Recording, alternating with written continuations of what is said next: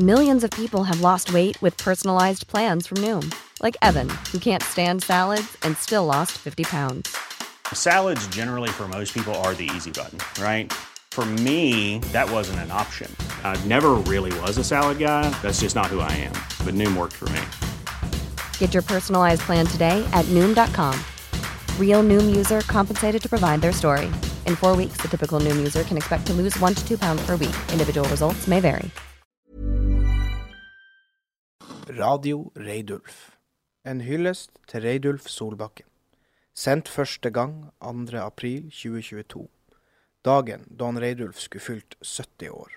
13 dager etter han gikk ut av tida, og bare to dager etter at begravelsen fant sted i Trondernes kirke. Vi startet denne andre episoden av podden med å gi ordet til Marius Nilsen, tremenningen til han Reidulf. Han Marius deler to historier fra ungdomslagstida med oss. Det, det, første møtet, jeg, sånn ordentlig møte jeg hadde med Reidulf, det var ja, det var så lenge siden som i 1972, hvis jeg ikke husker veldig mye feil. For det var det starta det som heter Trongenes bygdeomslag eh, høsten før. Og så måtte vi jo finne på noe å gjøre. Og da var det jo å snakke med oss eh, eh, fremkomlinger så nær sagt i bygda som kunne være med på noe. Så vi skulle lage inne på Oljesletta Mange av dere vet jo hva Oljesletta var. Det var jo et sagnomsust eh, festarhus i sin tid. I dag er det hest. Fest og hest. Det kan jo, eh, kan jo eh, henge sammen. Men det, det han utfordra oss på, det var å være med. Vi skulle lage underholdning til, på en fest der. For det skulle være en sånn bygdekveld med underholdning. En liten scene der. Jeg var tolv år da. Og tenkte at det var kanskje den eneste muligheten til å få komme inn på den festen. Det var at man sa ja til å være med på den her, eh, på den her underholdninga. Eh, det er mye som kan si om det. Det ble en fantastisk vellykka fest. Men det var ei bestemor oppe i Kaltan som lurte så skrekkelig på For det her var, det, var, det å si at det var sent på våren. Det var dagen før Kristi himmelfartsdag, så vi var jo godt ute i mai. Og de hadde jo sauer i Kaltan og drifta med sauer. Og disse sauene skulle jo ha vært ute på beite for lenge siden. Men Reidulf hadde holdt igjen én sau med to lam hjemme. Og godeste Olga Solbakken, altså bestemor, hun skjønte jo ikke hvorfor det her skulle være Hvorfor han gjorde det. Men forklaringa var, var at vi hadde en sketsj på denne scenen på, på Oljesletta som heter 'De to små yndighetene mine'. heter sketsjen. Og hele tegninga, hele tegninga det var ei filmskuespillerinne som skulle inn og, og forsikre sine to små yndigheter. Hvorav forsikringsagenten trodde hun snakka om hunder. Og så kom hun jo gående over skjeen. Det skulle være to puddelhunder, men der kom lammene. Men altså, han var jo postbetjent her i Harstad. Men så var han utskremt til Risiham på Andøya. Og var postbetjent der i en, en par perioder. Og da bodde han på en hybel eh, på, i tredje etasjen i et bolighus der. Som jo tilfeldigheten viste det at det var jo tanta og onkelen til kona mi som er fra forresten. Men hele poenget var at han skulle opp om natta og ekspedere, ekspedere sørgående hurtigrute, eller nordgående, kan jeg som kommer der klokka halv fem om morgenen. Og han godeste Reidulf var jo ikke den som ja, Han likte ikke helt å stå opp tidlig på morgenen. Det må ingen beskylde han for. Han var i postvesenet, så klarte han å forsove seg til sånne halv to-vakt. Så da fortalte han da fortalte han meg og Rolf Inga historien om når han skulle ordne seg et vekkesystem for å være sikker på at han klarte å stå opp for å ekspedere denne hurtigruta. Og da han beskrev det sant, På slutten så gikk ting veldig, veldig, veldig sakte med Reidulf. Så han brukte jo et kvarter liksom på å fortelle om det her vekkersystemet, som da besto av en sånn gammeldags sånn ringevekkerklokke som du må trykke på for å stoppe. Den hadde han satt to meter bort på et bord i et fat med ettøringer og toøringer. Og for det var Poenget var at når den begynte å ringe, den klokka, så skulle det ramle i de her myntene, så han skulle være sikker på at han våkna. Og så var det jo mørkt. Her var jo som på den tida det var mørkt. Og det rommet han hadde på kvesten der, eh, så var det en lysbryter, og den var borte med inngangsdøra der han skulle gå inn. Så når han våkna av det der skramlet, så var det jo om å gjøre å være så snar som mulig, så ikke resten av huslyen skulle liksom våkne av det. Idet han står opp, så snubla han i et eller annet på gulvet og stupte på det. Og det, det var et bord, det var ei tynne med et sånt der, eh, sånt tynnebord som sto der. Og fikk handa på ja, klokka, og bordet og lokket og alt for av gårde. Og pengene og klokka i gulvet. Og det her det drev han og fortalte oss og forlyste oss med, liksom. Og historien var jo at alle som bodde i huset, våkna, og klokka var fire om natta. ikke sant?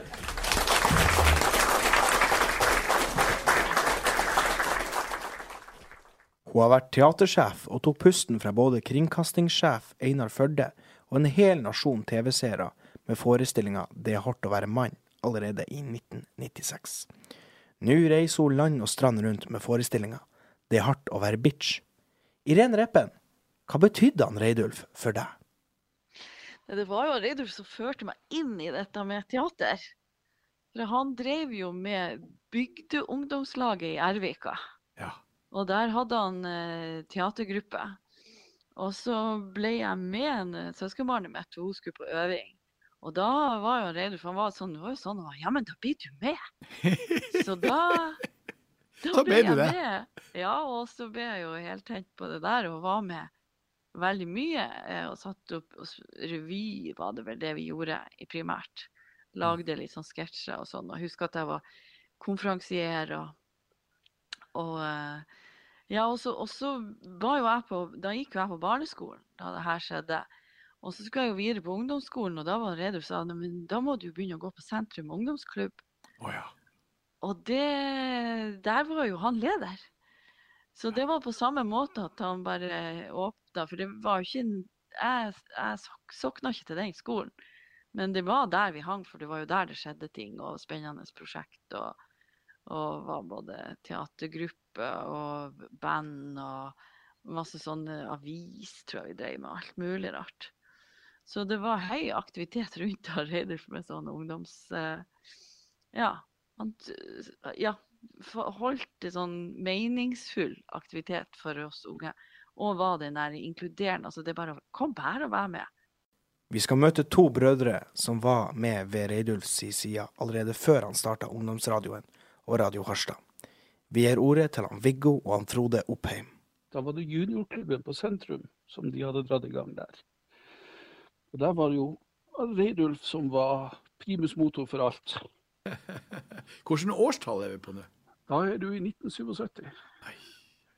Da var jeg ti år gammel. Var, Hvordan husker du han Har du et minne av Reidulf fra helt de der første åra? han, var, han var den som sto helt ytterst i døra på sentrum med åpne armer og tok imot. og Spurte og grov hvem vi var, hvor vi kom fra, hva foreldrene het. Og det er jo det minnet som jeg har med han fra ja, gjennom alle årene vi jobba sammen. Både som medlem og satt i klubbstyret der, og, og, og ble med på Radio Harstad etter hvert, eller Ungdomsradioen som det heter da. Fantastisk imøtekommende og ga enormt av seg sjøl. Viggo, det er mange som snakker om de her samtalene som de hadde én og én med han eh, Reidulf. Har du hatt det sånn, du òg? Ja, mange. Masse. Han hadde tid. Han hadde alltid tid og et godt ord og et Ikke så mye råd, men han, han hadde på sin finurlige måte eh, Klarte han å lirke gode holdninger inn i oss. Det var ikke alltid like enkelt. Så Hva, hva husker du best fra tida i radioen? Ja, det var fantastisk spennende.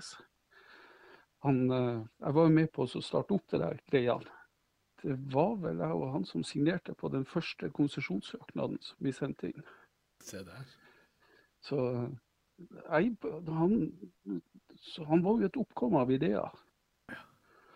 Og plutselig en dag så fant han ut at det var kanskje en idé også å utvide det her litt og prøve å få til noe mer som, som favner alle ungdommene i Harstad, og ikke bare distriktet sentrum nord. Så det, var vel det som var kongstanken. Fantastisk. Og sånn ble det jo. Og sånn ble det. Jeg sitter her i lag med en eh, ung eh, tekniker. eh, Max sitter ved min side her. og Ja. Jeg tenker på når dere, eh, Viggo, du og Reidulf signerte papirene og sendte de inn i 1984. Tenkte, tenkte du at det kunne 39 år etterpå sitte unge folk og lage radio i dag? Ja. Du hadde trua? Du hadde trua? Det hadde absolutt. Og, og, om ikke jeg hadde det, så hadde i hvert fall Reidulf det. Det var helt klart. Og han tenkte alltid fremover. Selv om det var tøffe tider. Det var økonomiske problemer og å karre til seg penger fra alle mulige budsjetter. Vet du hvordan han var? Når det gjaldt sånt. Et oppkom av å finne små åpninger og få til seg noen småbevilgninger herfra og derfra. Men han tenkte alltid fremover. Og vi måtte huske på at det kom folk etter oss. Jeg husker vi hadde en prat om hva, hva, vi, hva jeg hadde lyst til å gjøre. Ja. Det er fint å få vite når man er ungdom at det er noen voksne som lurer på hva du har lyst til å gjøre. ja. Og det var en sånn der én-til-én-samtale også. Det var ikke masse andre der som liksom kunne si at nei, den der var ikke noe god, eller det der har vi gjort før, eller Det var liksom inn på sosialrommet på corner, og så hadde vi en prat om hva man hadde lyst til å gjøre, og hvilke sendinger man kunne tenke seg å gjøre, eller om man ville være tekniker, eller ja. På eh, torsdagen så eh, var det et siste farvel med han eh, Reidulf. Eh, hvordan opplevdes det for deg? Nei, det er jo litt spesielt. ehm, men jeg vet ikke hvordan jeg Det er feil å si at en begravelse var fin, men, men det minneordet og det ettermælet som ble lagt ned i kirka, egentlig Jeg syns det var verdig av Reidulf. Og, og, og det, var, eh, det som var sagt der, passa veldig fint. Og summerte egentlig opp i, i stor grad både livet hans og, og egentlig den her eh, drivet han hadde til å la ungdommen få styre sjøl. Og, og om det var på radioen, om det var på klubben, og om det var gruppe på Elten på radioen, eller for så vidt på klubben også. Eh, hadde du lyst til å være med i gruppa som var der, så var det ingen problem. Hadde du lyst til å starte opp med noe som ikke var der fra før, så, så støtta han liksom opp i det. Og, og alt det her ble liksom nevnt i kirka, syns jeg.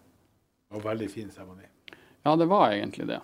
Det var det. Og, og det var jo på samlinga etterpå så kom det jo også mye mer fram.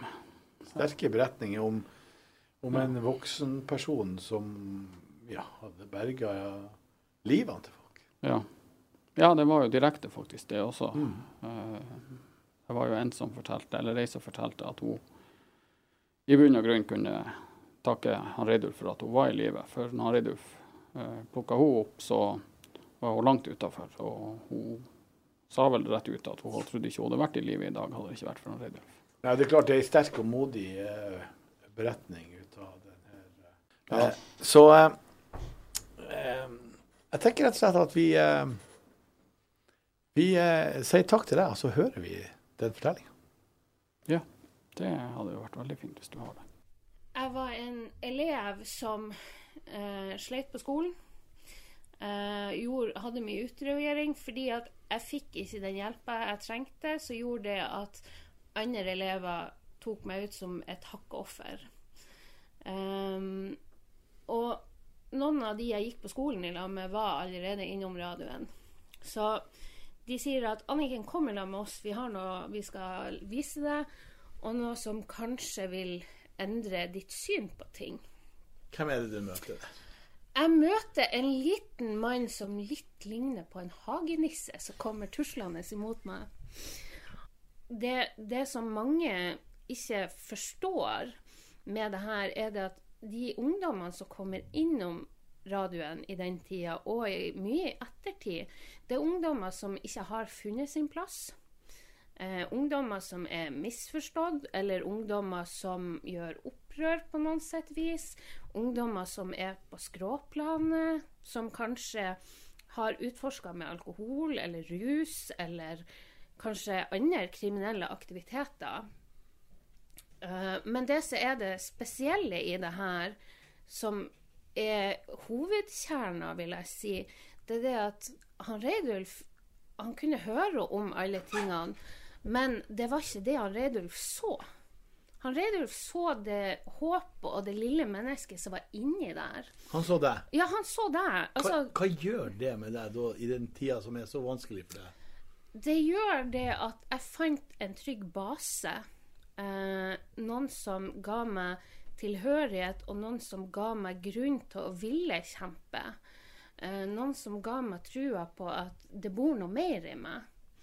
Eh, og det var Ingen lærere hadde trua på meg. Um, det var det, altså, alle så på meg som den her lille misforståtte jenta.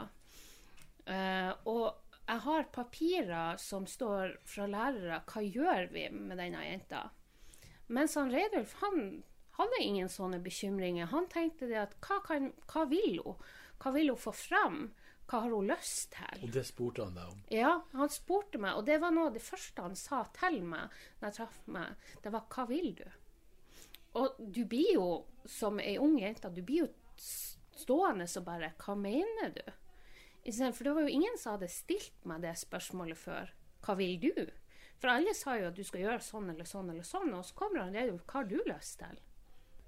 Det var helomvendinga mi på en start på ei lang reise. Um, og den reisa er enda ikke slutt for min del. Jeg har ei psykisk historie. Jeg har uh, flere psykiske diagnoser. Eh, men det, det han Reidulf gjorde der, det gjorde det at han ga meg trua til å kjempe. Kjempe for meg sjøl. Eh, kjempe for hva jeg ville, hva jeg trodde, hva jeg hadde lyst til. Og hadde det ikke vært for han Reidulf, så hadde jeg ikke vært her i dag. Jeg hadde, det er nesten litt skummelt å tenke på hvor jeg kunne ha vært. Og det er det som er så stort, for det er ikke bare meg han har gjort det med. Det finnes så mange ungdommer og eldre i dag som har samme historie. Men det som var viktig for meg, det var det at noen av de her ungdommene som virkelig var ute å kjøre, stilte i dag, og ikke minst kunne fortelle familien at hei, det er faktisk ungdommer som virkelig var ute å kjøre, og dere bør i hvert fall få høre hvor mye han har endra livet til noe positivt. Og det var det jeg hadde lyst skulle komme fram for deres del. Og ikke minst en ære i minnet til han Reidulf. Og selv om dessverre det store tragiske er at han har gått bort, så vil han påvirke meg for resten av livet. Jeg har tatt videre hans lærdom. Så neste gang man møter en liten hagenisse, så kan han kanskje forandre livet ditt? Ja, Husk på det. husk på det. Det er viktig. Tusen takk for at du delte med oss. Den som fortalte, var Anniken Solveig Larsen Nymo. Ivan Misjev var også med helt fra starten av. Og han Reidu snakka jo om det her på ungdomsklubben på sentrum, og sånn at nærradio det måtte være noe for ungdommen. Det kan bygge ungdom og alt mulig, og intervju og artig, en fin aktivitet. Så han var veldig interessert i det her. Og så vi, hadde vi fire eller seks prøvesendinger i Radio HT sitt studio. Det var i, i november-desember 1983. Eh, og eh, da var det sånn at eh, han Reiduf plukka ut noen fra hver av de ungdomsklubbene pluss Corner aktivitetskafé. At det var fire til fem ungdom som fikk være med hvis de var interessert i å jobbe i nærradio. Og det var da jeg meldte meg på via Corner. Og Det jeg husker veldig godt med Reidulf i begynnelsen, da vi skulle lære oss radioarbeid og legge, sette opp en kjøreplan. Så skulle du ha et intervju, og så skulle du ha en sang imellom, og så studiestikk og sånn. Da var Reidulf veldig opptatt av at det skulle være riktig sang til intervju, eh, intervjuinnslag. Han hadde òg en sånn svarteliste at vi ikke skulle spille sanger som handler om øl og alkohol og andre ting. Så det var også faktisk med svart tusj streka over en del LP-plater. Eh, Makkøl og måsegg med Bjørn Jens det fikk vi ikke lov til å spille, f.eks. Og Fire pils og en pizza med Åge Aleksandersen fikk vi heller ikke lov til å spille. Så det var en egen sensur som han gjorde. Eh, som, som, for han var veldig opptatt av det, husker jeg. Møt Rune Eilertsen fra Ervika.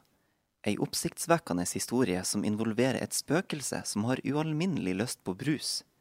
Vi skal til midten av 70-tallet. Og eh, I Ervika på den tida så var det et festhus eh, inne ved Møklandsvannet som heter Oljesletta.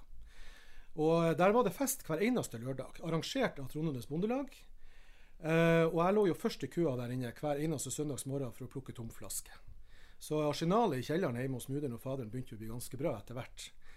Men så hadde det seg sånn at vi, jo, vi, vi, hadde jo funnet ut at etter de festene så måtte det jo finnes noe brus inni dette lokalet. Det var jo før vi fikk interesse for øl og sånne ting, men brus hadde vi interesse av.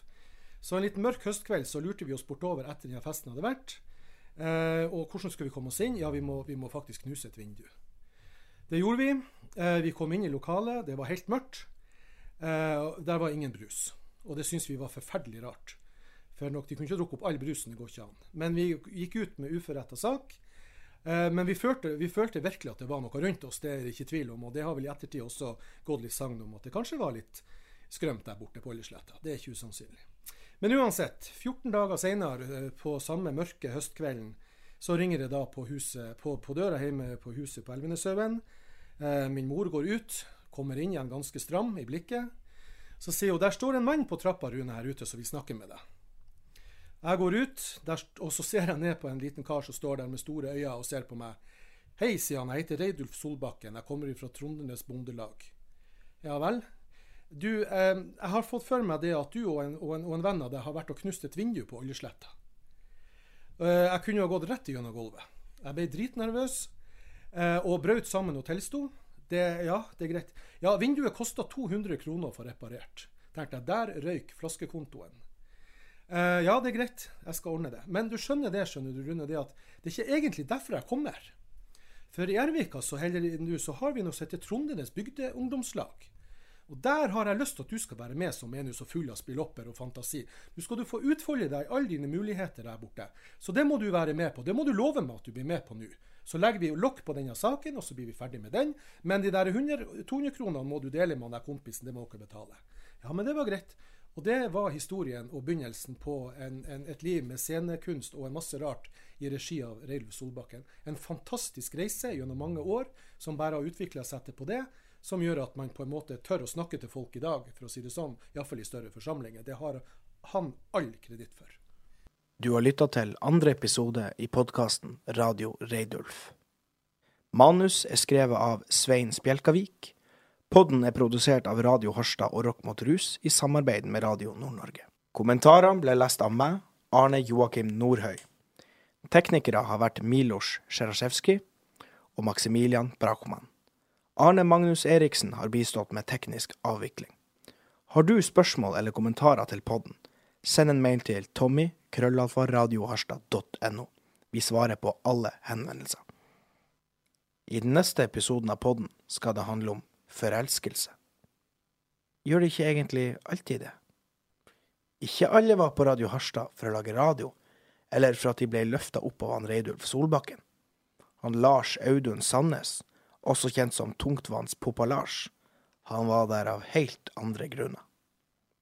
Vi hører også fra den som i dag tar opp arven etter han Reidulf, punkeren med det store hjertet, han Tommy Vandalsvik. Here's a cool fact. A crocodile can't stick out its tongue. Another cool fact, you can get short-term health insurance for a month or just under a year in some states. United Healthcare short-term insurance plans are designed for people who are between jobs, coming off their parents' plan, or turning a side hustle into a full-time gig. Underwritten by Golden Rule Insurance Company, they offer flexible, budget-friendly coverage with access to a nationwide network of doctors and hospitals. Get more cool facts about United Healthcare short-term plans at uh1.com.